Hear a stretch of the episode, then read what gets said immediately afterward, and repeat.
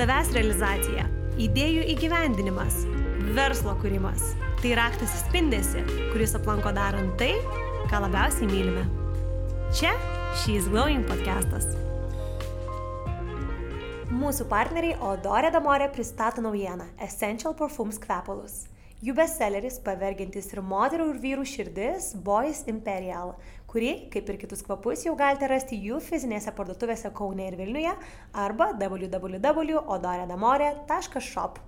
Sveikos įsijungusios šį Glowing podcastą. Šiandieną šalia manęs Gabrielė Kerpytė, prekinio vardo Salanida kurėja ir dvinukių mama. Sveika, Gabrielė. Sveiki visi, sveikos visos. Gabrielė, tai iš ties žinau, kad prekinį vardą, jo tokios pačios šaknis yra dar tolimesnės negu 11 gimtadienis, kurį švenčia jūsų sukurtas prekinis vardas.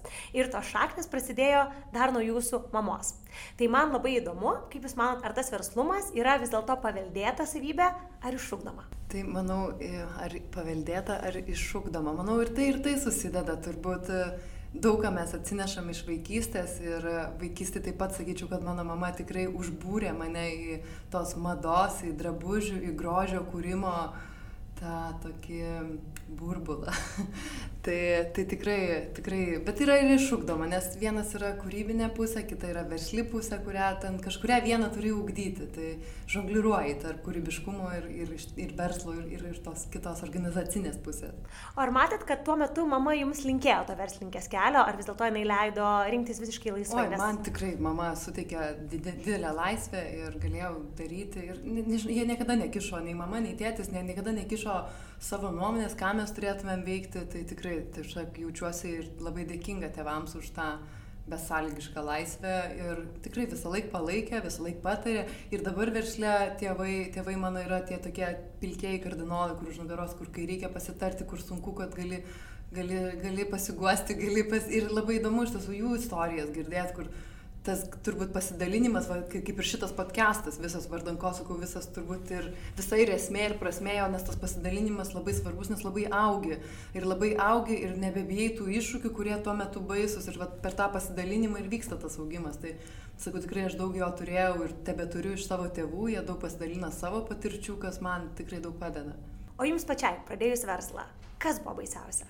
Ai, aš kai pradėjau, tai turbūt dar buvau tokia naivi, kad mm, nieks nebuvo baisu, kai tau 20 keli metai, tai nežinau, atrodo, Ne, nebuvo man niekas baisu, man ten tuo metu jūra iki kelių atrodo buvo. Bet iš ties, kaip aš pritariu, nes aš ir pati pradėjau savo pirmąjį verslą, kai man buvo 21 ir aš dažnai galvoju, kaip gerai, kad tuo metu aš turėjau tą tokį naivumą. Taip, nes to nėra ir ko prarasti ir tiesiog eini keurai sieną. Ne, ne? aš šią dieną jeigu žinočiau tiek, kiek žinau ir žinočiau, kokį kelią teko per tą dešimtmetį nubristi, Nežinau, ar turėčiau žinok tiek daug. Na, bet paprovokuosi. Ne, gal tiesiog antrą kartą, ne, nežinau, ar norėčiau taip sunkiai bristi tuo keliu, nes tikrai visko būtų ir tai nėra kažkokia sėkmės istorija, tai tiesiog nu, tikrai didelio nuoseklaus darbo ir ten turbūt labiausiai netgi tie momentai, kai nori mesti ir jau galvoja, kad nebėra išeities, bet ten ir turi užbū, išbūti tuose momentuose, nes už jų dažniausiai ir atsidaro kažkas. Ir tiesiog daryti, aš pasakysiu, tiesiog atsikeli ir kiekvieną dieną darai, darai, darai ir, ir bedarant ir atsiranda ir pasiūlymai, ir kontaktai ir kažkokios idėjos ateina, viskas eigoj. Aš visai sakau eigoj, ir kai žmonės prašo patarimo ten, kaip pradėti, tai nesvarbu, bet ką daryk, svarbu daryk, o ne lauk, nelauk rytojus, nes rytoj, rytoj vėl bus kitaip. Per 11 metų, sakėte, buvo kartų, kai norėjosi viską mesti. Kiek kartų taip, taip nutiko? Na, nu, aš taip gal konkrečiai nesuskaičiuosiu kiek, bet tokių Na, kokį kritinį gal prisimenate? Nu, vien, vienas tai tikrai buvo toks labai mhm. kritinis, nes aš išsiskyrus ir vaikus auginu nu, vieną su, su jų tėčio pagalba, bet tuo metu tai tikrai atrodė, kad, kaip sakant, nebegali žaisti to verslo žaidimo, nes verslas vis tiek jisai gali būti brangus malonumas kažkokiu tai metu ir dauguma, daugumai tai yra. E, tai, tai tuo metu tikrai labai labai svaršiau, ką daryti, nes tiesiog negalėjau būti toje situacijoje. Ir, nu, kokius tikrai buvo metai, du metai tokia itin sunko, sunkaus laiko. Be, ir, ir būdavo man situacija, kur aš galvodavau, kad nu viskas, gal tikrai, gal nebereikia, gal aš čia veltui kovoju už su vėjo malūnais, kaip sakant, bandau išlaikyti. Ir man buvo ir, ir draugų rate vienas kitas žmogus būdavo pasakyti, nu gal jau paleis, gal jau gana, jau gal čia nieko nesirituliuoja bet nu, man kažkaip nekrito gal, nei, nei aplinkybės, kad ten kažkas būtų kažkokį ten fainą darbą pasiūlęs ar dar kažką, vis tik atrodo, kad, nu ne, nu, ta prasme, ir vis tiek čia, ir aš labai norėjau, tas man viduje buvo, ir mes su kolegiam dabar pasišnekam, kad, nu, iš tiesų, tu turi, nu, taip norėti, nes jeigu nu, jeigu gali nedaryk, mes sakom, jei gali, tai tikrai nieko nedaryk. Bet, nu, turi tikrai labai norėti, kad atstovėtum tos tokius sunkiausius momentus, kur nežinai, kaip rasti tą išeitį. Bet už jų būna faina, ta, verta ne viena moteris, su kuria bendravau, ne viena moteris, kuri ir šiais Going klube yra, kuri klauso šio podcast'o, yra prieėjus ne kartą tą etapą, kai yra galvojusi, ar aš čia kažkokį tikrai žaidimą, bet kaip labai gerai pasakėt, kad gal čia kažkoks žaidimas, tai gal jau reikia susirasti ten tą normalų darbą ir normaliai eiti, ar ne, kur yra kažkoks stabilumas. Tai tuo metu, ką jūs darėt, kaip įsigrinot, kad noriu pasilikti, ar tai buvo tiesiog, nežinau, galbūt prisėdote ant jūros kranto ir ten susirašėt pliusus ir minusus, gal ėjote pas coacherį, kaip pat įsigrinot, kad tęsti. Mm. Tai daug visko vyko tuo metu. Jo, iš tiesų ėjau tokius uh, accelerator kursus, ėjau uh, Londone, ten jie vyko, bet internetu vyko, dar tik COVID visi vyko, tai tokia visa ta situacija buvo keistoka pasaulyje. Uh, tai, tai ir vis tiek atrodo, kad ne, nu paleisti, nu niekaip negaliu ir tada, tada šitą sujungiau komandą. Nes jeigu esi emociškai tokiam periode, kur, nu, toks, nežinau, ten liūdėsio, ten kažkokios mm. depresijos ribos, sakykime, Tai, tai tikrai labai reikia išorinių žmonių, nes aš kaip sakau, kad nu, kažkaip žmonės labai nuvertina tas tokias depresijas, kad žmonės yra darbingi. Nu ne, jeigu sakau, tu sportininkas tau koja lūžo, tu negali bėgti į aikštelę. Tai čia tas pats, jeigu tu verslininkas ir tu negali galvoti ir tau rūkas e, protė, tai tada tikrai labai, labai yra didelė pagalba rasti tos žmonės, kurie pakūrė ir tie su komanda taip yra, kad tu prieš juos esi atsakingas ir tu vat, nu, ne, negali net nepadaryti. Ar ten kažkur, kur yra kažkoks sunkumas, turi su kuo pasikalbėti, pasakyti, kad nu, šito aš nepatempiu, nesuprantu, negaliu, tai gal, gal tu gali perimti nuo manęs. Tai, tai taip, tai tuo metu iš tiesų prisijungė mano, mano gamybos vadovė Renata, tai mes partnerės esam ir jinai tikrai Salanidų yra didelė, didelė mūsų svarbi dalis. Tai, tai va, va, turbūt taip ir bridom, atsirado, atsirado jinai, po to marketingo specialistai atsirado ir po truputėlį, po truputėlį tas augimas pradėjo vykti. Nes aš sakau, vis laik vienas turbūt padarysi tobulai dalykus ir mes labai norim kontroliuoti tą perfekcionizmą, bet su komanda nueisi toli.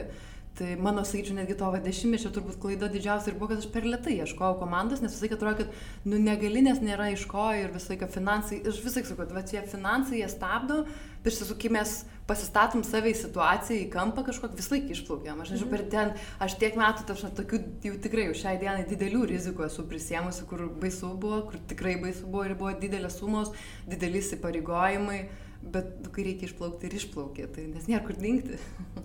O, kiek palėtė daug čia gerų kampų ir aš ir norėjau čia iš tikrųjų staptelėti trumpam, kad jūs sakėte, kad tuo metu buvo vos netokia stadija, kai norėsi galbūt viską mesti. Ir dažniausiai tos stadijos būna ne tuo metu, kai verslas klesti ir viskas yra maksimaliai gerai. Tai suprantu, kad tada turbūt ir buvo, na, ir pardavimų prasme nebuvo, sakykime, aukščiausias laikotarpis. Ir jūs sakot, na tai gerai, samdausi dabar komandą. Jo, tai regis tuo metu yra jo. dar ar ne rizikingiau daryti tokius žingsnius? Taip, taip, baisu, tai aš ir sakau, nu kaip nors užsidirbsim atlyginimus savo, kaip nors, nes, nes ta prasme, čia pas mus nėra mūsų side job, čia mūsų yra pilna tatų darbas, iš kurio mes gyvenam ir kuris išlaiko ir mus, ir mūsų vaikus, ir mūsų šeimas. Tai mes tikrai tai nežiūrim kaip į... Ir šiaip iš tiesų labai va, noriu pasidžiaugti, kad mes augam iš savų lėšų.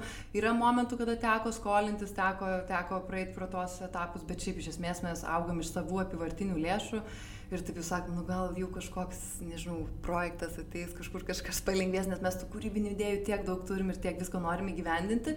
Tik tai taip labai dažnai yra kažkokie barjerai ir finansinės galimybės, kurios tos apribojimus e, sukelia. Bet nu, tai irgi yra kūrybiškumo būdas išspręsti ir rasti tame kažkokią, kažkokią kryptį. Tai ir tuo metu, ar ne, kai nutarėt priimti tą rizikingą tuo metu tikrai sprendimą padidinti komandą, rezumė, tai atsipirko ir finansinė prasme, taip, taip, ne? Ir atsirado taip, tie būdai. Vienareikšmiškai, vienareikšmiškai. Aišku, turbūt ir yra sudėtingiausia, va, visi kaip kalba, kalba, kad atrasti tos teisingus žmonės, su kuriais norisi dirbti ir su kuriais pavyksta dirbti. Nes užtrunka, irgi užtrunka, bet nu kas ieško, tas randa. Vienareikšmiškai, ne, čia visose gyvenimo srityse antroji pusė, draugės, visų tų žmonių reikia ieškoti, jeigu nori rinkti kokybiškus žmonės. Tai taip, tikrai labai jums pritariu. Žinau, kad esate galvojusi apie investuotojus, ar ne? Šiai dienai, kiek žinau, nesate priemę kažkokių investuotojų, ar ne? Labai įdomu, koks buvo jūsų pat mąstymo procesas irgi apie tai, ar reikia ar nereikia jų. Taip pat jūsų e, versle atsirado partnerė. Irgi, ar ne, tokie dideli sprendimai. Tai vad kaip dėliojatės ir nutarėte tokius sprendimus priimti, kad bus partnerio, pavyzdžiui, neišoriniai investuotojai. Nu, turbūt tiesiog skaitai žmogaus energiją mm. ir tiki kažkokį tokį. Ar aš ieškau žmonių, kurie turi entuzijazmą ir nori ir patinka. Aš manau, kad aš nelabai ne, ne iš tiesų ir būna žmonių ten CV žiūriu, gyvenimo aprašymus skaitau, man įdomu, kiek jų akis dega ir kiek tai yra jų sritis, kurie drivina ten toj srity.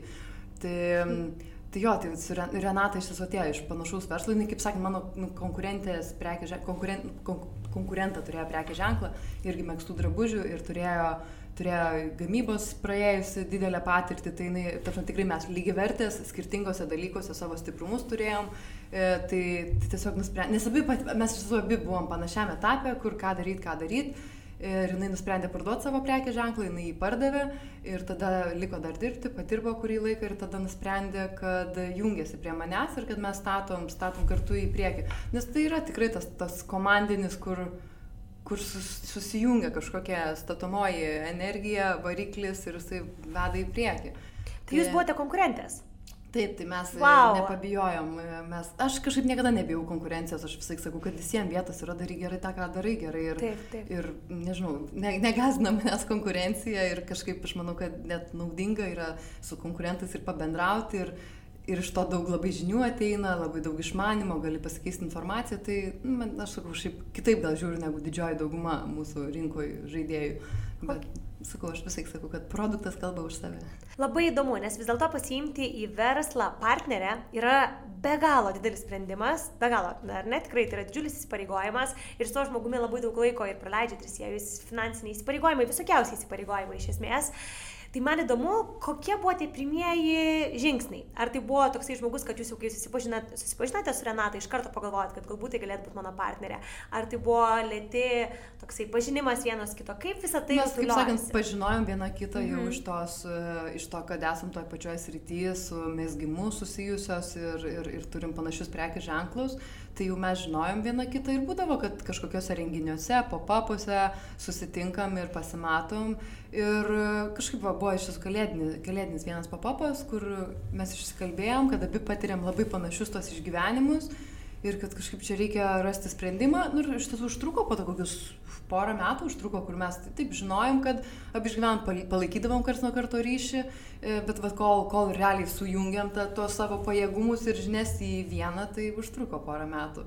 Kaip manot, ką reikėtų mąstyti moteriai, kuri galvoja apie verslo partnerės prijungimą prie verslo, ypač kai tai yra jau netgi prijungimas, kai verslas jau egzistuoja, ar ne, tai galbūt yra nedar įvairūs skirtingi niuansai. Aš manau, kad tiesiog ieškoti žmonių, kurie turi, kurie turi stipresios savybės kitose srityse, nes jeigu tu esi kūrybiškas, galbūt kūryboje turi savo gislelę, bet neturi pardavimuose, tai tau akivaizdu, kad tau reikia pardavimų žmogus, kuris tenai turi, e, ar marketingo, ar gamybos, nu, tokie turbūt pagrindiniai yra kūryba, produkto gamyba, marketingas ir pardavimai, nu, dar administracinį verslo valdymą, bet tiesiog vat, ieškotų skirtingų, skirtingų talentų, nes jeigu bus visi... Ir dar pas mus yra, aš irgi matau, kad aš esu daugiau tas žmogus komandai, kuris gal ten daug idėjų turi, daug šneka, bet aš nesu tokia greita, kad greitai gaminčiau, greitai daryčiau, e, greitai sprendimą primčiau. Tai labai tada reikia tų žmonių, kurie hands-on yra, kurie ima ir daro ten tol, kol kalbė. Tai Tai vad sakau, tai turbūt ta komanda ir turi sudaryti iš tokių skirtingų žmonių ir užtrunka laiko juos atpažinti ir juos atrasti. Bet kai atrandi, tai turbūt ir įvyksta tas toks medžiai.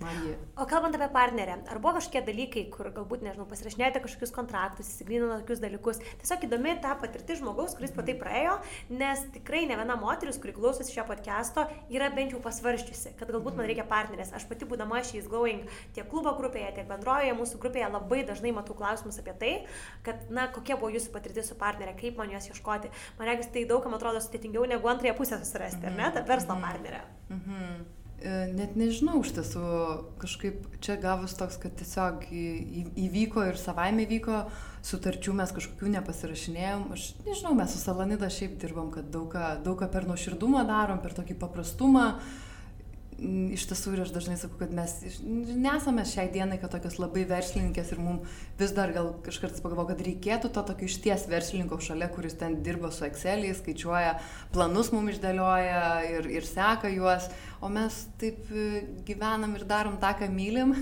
Ir tiesiog tikim, nu tiesiog negaliu pasakyti, kad mes čia turim kažkokią, kažkokį receptą, kuris veikiantis Ir, nu nežinau, tiesiog tikim rytojim, kad kiekvieną dieną bus geriau ir, ir, ir kai būna sunku, tiesiog svarbu išsikalbėti ar su, su partneriai, būna kažkokių ten situacijų, bet gal galia mes jau brandžios esam, jau mums nebe ten keliolika metų, jau kaip virš 30, abi mamos, abi turim vaikų, tai turbūt ta kantrybė jinai ir šūkdoma per tas visas patirtis, kur daug situacijų nereaguoji ar, nu, tiesiog neįmi širdį, šiaip, šiaip yra sako, kad yra super gale neprimti nieko asmeniškai. Tai nu, to tikrai dažnai reikia išmokti, nereaguoti tam tikras situacijas, nes kol emocija aštri, jinai aštri, bet eina ir praeina ir, ir, ir vis tiek yra vienas tikslas, svarbu turbūt tą vieną tikslą turėti. Jeigu matai tą tikslą, tą viziją, kur nori būti, tai, tai tada ir komanda nori link jo eiti, nepaisant kažkokių trukdžių aplinkui. Vienareikšmiškai. Iš ties ne viena moteris svajoja apie tokį darbą, kokį darote jūs, ar ne? Kurti, mm. turėti savo drabužių liniją, tai yra kūrybinis procesas. Na iš ties yra labai daug glamūro, galbūt kai pagalvoji apie visą tai. Kiek man teko susipažinti su šitą industriją, glamūro ten yra netiek daug, kiek galbūt galėtų pasirodyti iš pat pradžių, ar ne? Ir tai yra tikrai beprotiškai sunkus ir juodas darbas, bet apie jį kur kas geriau papasakot galite jūs, o ne aš, kadangi kiekvieną dieną verdote to sultise. Tad man labai būtų įdomu, jeigu jūs galėtumėte praskleisti tą šydą, gaubinti mados industriją ir papasakoti, kaip atrodo jūsų kasdienybė. Taip, tai kasdienybė atrodo taip, kad pas mane administratorės net laiko pusę metų ir kažkaip mūsų vasilpnoji grandis, kad vis keičiasi šitoje vietoje žmonės, nes tiesiog pamato, kad ten neglamūros, o ten yra tik, tikra juoda realybė, kur atrašinėjai e-mailus, sprendi klientų klausimus, pakuoji siuntas, e, tvarkai studiją, darai inventorizaciją Ir nu, yra tas ta realybė. Tai ir netgi tos fotosesijos iš tiesų, jos visos yra nu, juodas, sunkus darbas, kad reikia ir suorganizuoti, ten būna kartais fotografuoji, kai laukia plus 2 laipsniai ir kažką visai reikia plono išsirengti, būna kai karštėje ten 30 laipsnių ir ten su šiltų mėgstiniu bandai neprakaituoti. Tai visokių tokių ir, ir apskritai turbūt, jo, tą madą daug kas nure, nu, taip, taip, sureg, taip įsivaizduoja, kad čia labai viskas fain, bet šis tikrai labai, labai sudėtinga yra, labai sudėtingas rytis. Ir aš tikrai galvoju, kad e, mes dabar po, po dešimt metų išgyvenam tikrai tokį svajonės išsipildymo etapą, kur iš vis išsikraustėm į Vilnių, čia studiją atidarėm. Tai toks, ir aš kartais pagalvoju, kad, wow, tai visa tai vyksta mano realybėje šiandien, kur apie tai svajojau, būdama studentė, būdama paauglė ir, ir, ir tai vyksta bet augant ir taip norisi pabūt tame, sakau, kad, nu, kokie toliau planai. Sakau, ne, ne, dabar planas pasidžiaugti, biški pabūt šitam, o ne dar ten greičiau šaudyti naujus planus ir kažką, kažką naujo savo kelti, pasiekti, padaryti. E, bet tiesiog, vad realybė tokia yra, kur augant atsiranda kita perspektyva ir nauji iššūkiai, apie kuriuos tikrai nepagalvojom anksčiau ir tik sudėtingėja. Ir tikrai tik sudėtingėja. Ir to laiko labai mažėja. Aš jaučiu, kad laikas atrodo iš vis kažkoks traukėsi, traukėsi, jo mažėja, tų tokių skirtingų sprendimų daugėja ir tiesiog turi turbūt perlipti iš to kažkokio mažo amato aukti tokį versliuką, susikurti kažkokią sistemą, išmokti deleguoti, tai tokio daug ir asmeninio augimo vyksta.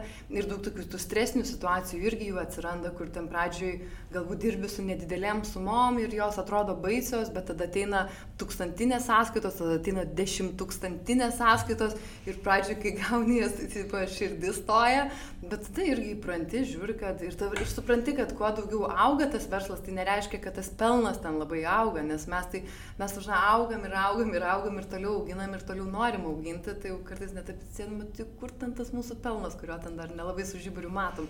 Tai tiesiog tie procesai jie sudėtingėja, nuovargis didėja, kur, kur tik, tikrai jau būna, norisi skirti dienų, kur kad ir kaip faina būtų dirbti ir myli tą darbą, bet norisi jau ir pailsėti, jau nebėra to tokio maksimalizmo, kad vien dirbti, dirbti, dirbti.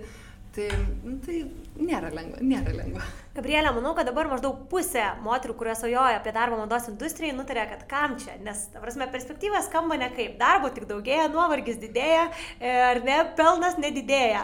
Tai, na, e, taip ar ne, tikrai parodėte, kad yra sudėtinga ten dirbti, bet vis dėlto ir jūsų, jūs pačia, ir jūsų kolegės kažką šioje industrijoje labai labai laiko. Tai kokia yra ta gražioji pusė, arba vat, kodėl vis dėlto čia, o ne kažkur kitur? Taip. Tai aš manau, kad be grožio pasaulis taptų tikrai labai nikus ir išgyventumėm apokalipsę, tokią, kokią, kokių čia patyrėm turbūt. Tai aš dažnai, kart, nes kartais ir aš esu irgi esu išgyvenus tą tokią minimalizmo krizę, kad atrodo, kam reikia, kai šitiek daug pagaminta. Bet tada labai supratau, kad jeigu taip nuimtumėm gražius pastatus, gražias moteris išvarytumėm iš, iš, iš gatvių, nebeliktų, nebeliktų, dažnai nieko nebeliktų, toks niūrus ir pilkas gyvenimas liktų. Tai galvoju, kad tame prasme yra išties labai didelė ir žmonės net nuvertina tą prasme, kad kiek, kiek daug tame grožyje galios yra ir kiek daug jisai suteikia vidinio pasitikėjimo ir, nu, ir tikrai tai yra labai svarbu, labai svarbu.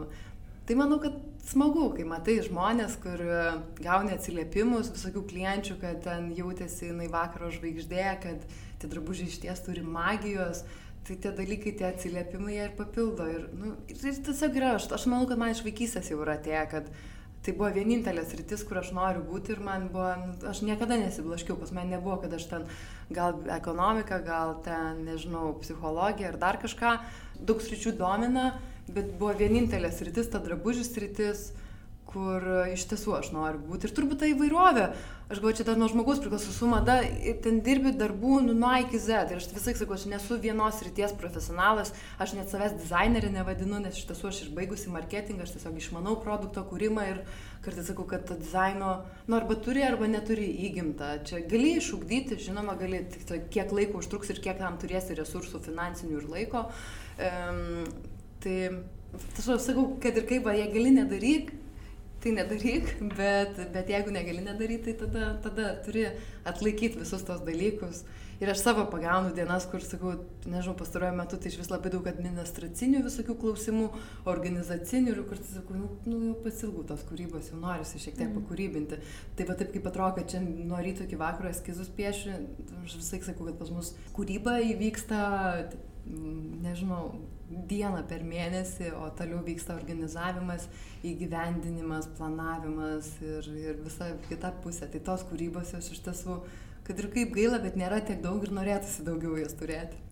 Žinot, iš ties, kai pradėjote sakinėti šitą klausimą ir kalbėti apie dalykus, kurie žavi jūs versle, jūsų akis nespindėjo. Klausant jūsų istorijos, pagalvojau, kad vienu metu jūs reflektavote, ar ne, kad tas sudėtingiausias laikotarpis buvo maždaug per COVID, kai buvo minčių taip jau stipriai, ar ne, kad galbūt metas atsisveikinti su šitą veiklą. Tačiau dabar paminėjote, kad išgyvenat kaip ir gražiausią laikotarpį, ar ne, kai yra studija, yra komanda. Tai visgi tuo metu, reiškia, jūs priėmėt kažkokius gerus, teisingus sprendimus, kurie jūs dabar atvedė ne prie tiesiog susikrovimo, taip sakau, žaislų, ar ne, ir išėjimo į kažkokį tai darbą, o į gražiausią laikotarpį, kokį išgyvena savo verslu. Tai kaip manote, kas padėjo pasiekti iš tuos rezultatus? Tai tikrai manau, kad komanda ir tai nėra mano vienos nuopelnas, tai tikrai, tikrai, tikrai ne. Tai aš visiškai aš atsakysiu, kad tai yra komanda. O kiek žmonių dabar yra jūsų komandoje? Mūsų komandai dabar mes esam penkios merginos, E, tai esam aš, gamybos vadovė, partnerė mano, e, marketingo mergina ir administratorė ir pardavėja dar turim studijai. Na ir dar aišku, labai daug visokių freelancerių, kas, kas, kas, kur, kas kur kažką padaro, įvykdo ir įgyvendina. O tuo metu, kai buvo mintis galbūt viską baigti, kiek buvo žmonių? Aš viena buvau ir su trim mesgėjom. Aš tuo metu turėjau tris moteris, kuriuom, su kuriuom mesgėm, mesgėm. Bet dažnai gamybai turėjau aš ir gamybą. Tai, tai tada žongliruoji nuo A iki Z. Nuo gamybos iki pardavimų ir, ir viso wabo administravimo ir panašiai. Wow, iš ties stipriai ūktelėjo jūsų komanda, Taip. tai tikrai didžiulis, didžiulis pasiekimas. Labai su to sveikinu, tai yra nuostabu, kad galėjote pasiekti dabar šitą tašką, kuriuo esate tikrai ne viena ir, na, vis, visa ta, matosi, veikla vystosi kur kas geriau ir jūs patiko gero verslė užtės kur kas geriau, turėdama savo stiprų užnugarį. Koks tai buvo pirmasis žmogus, kokį jūs įdarbinote, nes žinau, kad kai esi vienas, perleisti kažkokius darbus yra velniškai sunku, o taip pat yra labai sunku ir nuspręsti, kokį žmogų samdyti pir pirmąjį, ar ne, nes kol kas nėra nieko. Aš vienas, tai su kuo dabar aš būsiu, kas, kas bus tas antrasis. Mhm. Tai pirmoji mane buvo administratorė mergina, kuri padėjo su, su visokiom ir siuntom, ir puslapio administravimu, ir, ir darbų studijoje, nes aš klaipudai turėjau nemažai metų studiją. Tai, tai ten buvo pirmasis žmogus, kur sakau, bet čia vis, vis, vis keičiasi šis žmogus, tai vis, vis ieškom dabar iš viso Vilniuje ir va, ieškom tos savo to žmogus, kuris būtų ta mūsų studijos mama, kaip aš sakau, kur irgi akis žibėtų ir norėtų, norėtų vykdyti tos darbus. O tada, tuomet sekantys žmonės jau po truputėlį, ar ne, pradėjo taip, jungtis. Taip. Kokie yra pagrindiniai reikalavimai, kurie yra jums svarbiausi renkantį žmogų, nes minėjote, kad į CV gal net kartais nebūtina ir pasižiūrėti. Mhm. Nu įvairiai, čia taip labai priklauso, kokio žmogaus ieškai, ar administravimo, ar marketingo srity. Galbūt yra kažkokios žmogiškosios savybės, kurios iš karto yra nu, jūsų. Tiesiog jauti, žinai, kur žmonės kalba tavo kalba ir kur... Bet vienas yra jausti ir dar kitas yra bandyti imti darbus ir daryti ir tada jau žiūri, ar, ar jie įsigyvendina taip, kaip nori, ar, ar įvyksta tas, sakau, nes tikrai nesu visais va įvyksta tas toks kažkoks susidirbimas turi, turi įvykti. Ir tam kitą kartą reikia kelių mėnesių, kad tu pajaustum, ar, ar įvyksta ar neįvyksta. Nes mes taip pat ir su reklamos agentūra dirbam, tai, tai irgi va, tiesiog užtrunka to laiko, kol, kol tie žmonės suklikina kažkaip.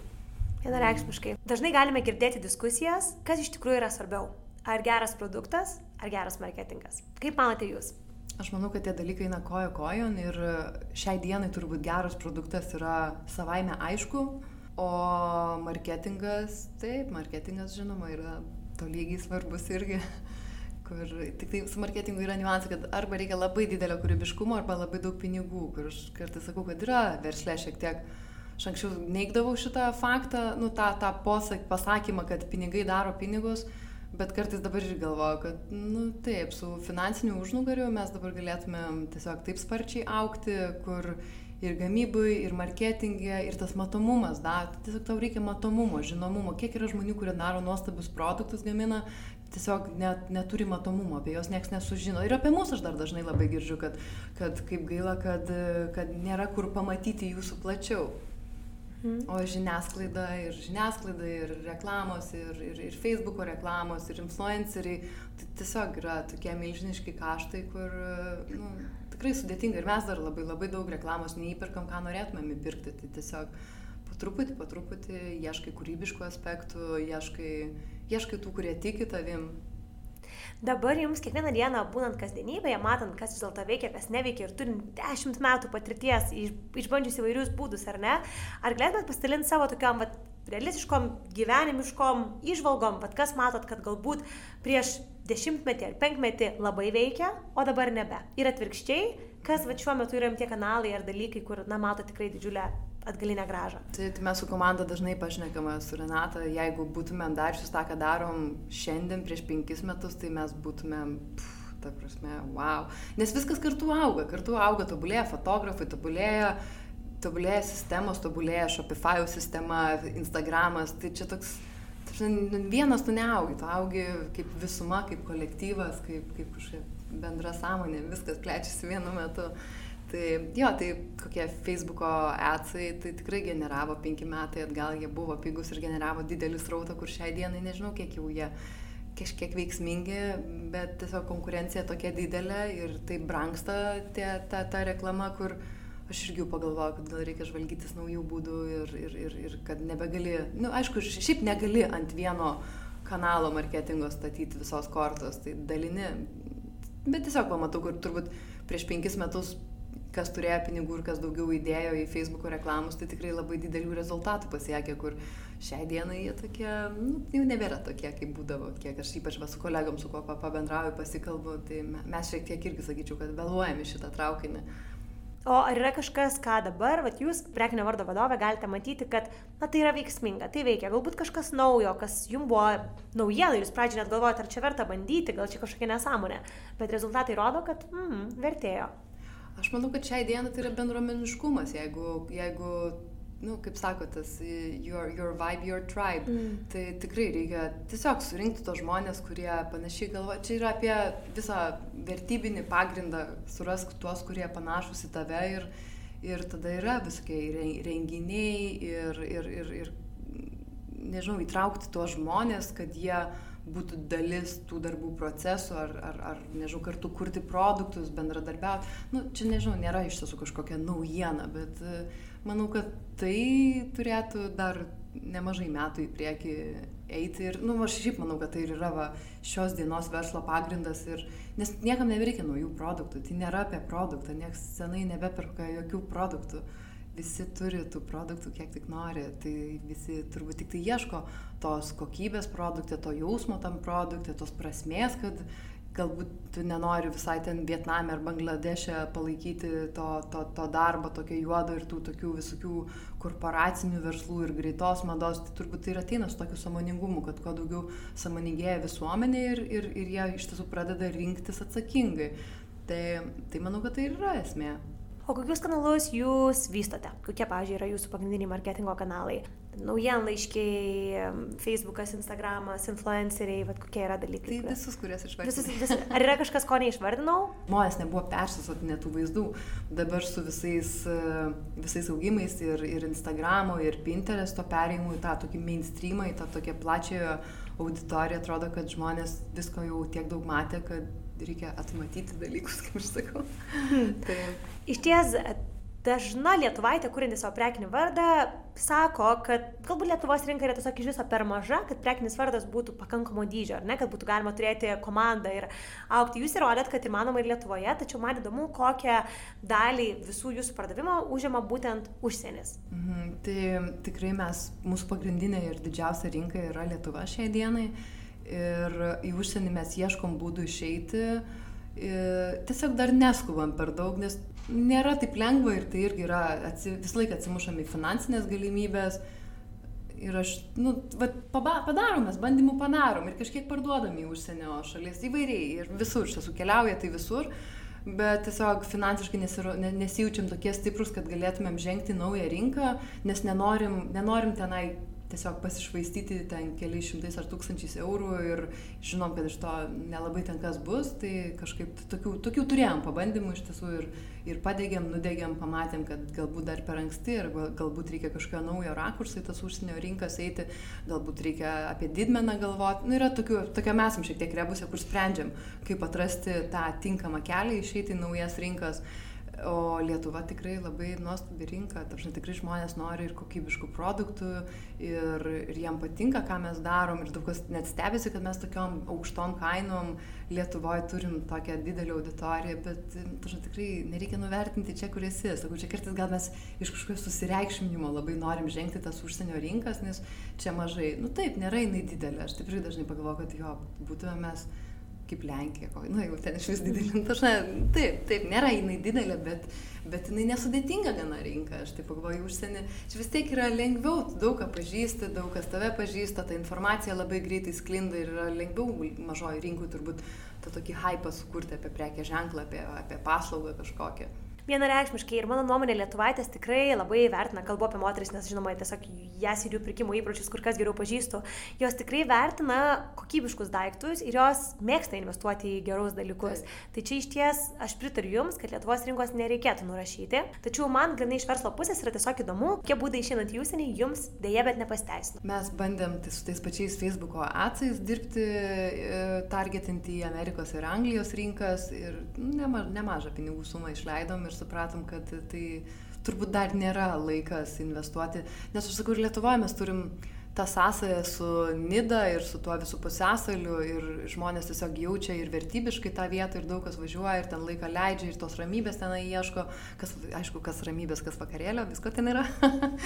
E, bet tiesiog mes, sakyčiau, lengv... mes čia turim tą, tą tokią sąsąją salos ir Nidos ir, ir, ir, ir tą, tą jausmą.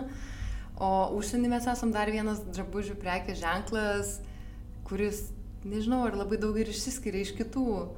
Tai nėra dėl to ir lengva, ir nepažįsti ten daug žmonių, nepažį, mes nepažįstam užsienį kažkokių žymių žmonių, su kuriais galėtum e, bendradarbiauti, arba neturim ten honorarų kažkokių milžiniškų, kad jiem galėtume mokėti.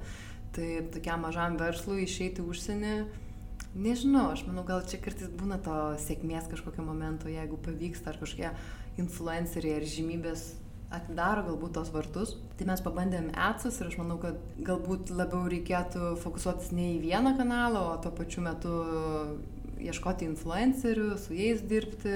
Yra kitų prekių ženklų, kurie puikiai tai daro ir puikiai tai vysto. Ir turi neblogą finansinį užnugarį kažkas, žinai, kuris tikrai padeda, bet mes, nu, sakau, mes dar ieškom to savo kelio ir manau, ateis laikas ir atrasim. Sukurti gaminį, kurį vėliau galite pamatyti, kurį kiti gali apsirengti, ar ne, na, tai yra išties didžiulis dalykas. Tad man labai įdomu, kaip atrodo visas procesas, nuo idėjos mhm. iki to, ką galiausiai jūsų klientė gali dėvėti ir džiaugti žiūrėdama į veidrodį. Taip, tai mes dirbam su italų siūlų gamintojais, nes Lietuvoje tiesiog jų nėra, Lietuvoje nelabai jų turim, tai pagrinde su italais dirbam, turim keletą tiekėjų, važiuojam į parodas, Florencijoje vyksta Piti Filati paroda, tai stengiamės kuo dažniau lankyti ir ieškoti ir naujienų, ir, ir tų siūlų. Tai mūsų toks vienas iš prioritetų yra, kad mes labai ieškom to minkšto siūlo, to jaukaus siūlo ir technologiškai labai ieškom gaminių, kurie būtų standaus to mėsgymo ir gerai dėvėtųsi, kur pavyzdžiui mes turim kelnes, kurių liemuo reguliuojasi ir tas dydis yra toks adjustable, pasakysiu angliškai, pritaikomas įvairiom figūrom ir, ir apimtim. E, tai yra su kaip vaikiškam liemenį, reguliuojama su sagute ant gumos, taip labai paprastai ir mums labai pasiteisino, labai klientės džiaugiasi ir ten turim mes tik tai du dydžius kelnių, kurie tinka nuo XS iki tikrai turiu klienčių XL dydžio 44 ir 46 ir netgi 48 dydžio esu turėjęs klientę, kur daug kas va mum ir sako, kad ai čia mėgsti drabužiai jaunom, lieknom, aukštom, manekenėm ir aš taip, ne, ne, sakau, mes esame apie patogumą, nes mėgsti drabužiai tikrai tai yra odė patogumui, yra apie komfortą ne tik savo kūne, bet ir, sakau, savo vidiniam pasaulyje. Mes labai, labai norim su, su ta energija tiem žmonėm suteikti to jausmo, savim pasitikėjimo. Tai mes gam tas, pavyzdžiui, kelnes iš tokio specialaus rašto, kuris yra žymiai standesnis negu įprastas mesgymo raštas, iš merino Vilno šimtaprocentinės mesgam. Ir keliai ieškom tos technologijos, kad kelienai neišsis, neišsisėdėtų, neišsispaustų, kad užpakalis neišsispaustų. Tai tikrai įdedam to darbo, atidirbti tos modelius ir kartais galvom, gal mes čia veltui priekabiaujam prie, prie, prie, prie kažkokių smulkių detalių, bet mums jos smulkios, mes labai priimam klientų atsiliepimus ir, ir, ir feedbacką atgal, ką, ką, kas jiem apie produktą patiko, nepatiko. Dėl to turim labai, labai mums pasteisino ir tą gyvai studiją turėti, ne tik internete būti, nes ta gyvai studija aš net iš tiesų nevadinu šios parduotuvę, nes man tai yra studija, kur eini bendrauti su klientu, kur kuri tą ryšį, kur susitikti klausaisi, va, kas tiko, kas nepatiko, ką galėtumėm patobulinti ir mes kiekvienais metais ir darom, kad yra daug modelių, kurie yra tie patys, bet mes kažkokius ten matomus ar ne visai matomus dalykus vis patobulinam, paieškom, išieškom, tai tikrai skiriam tam daug laiko ir dėmesio.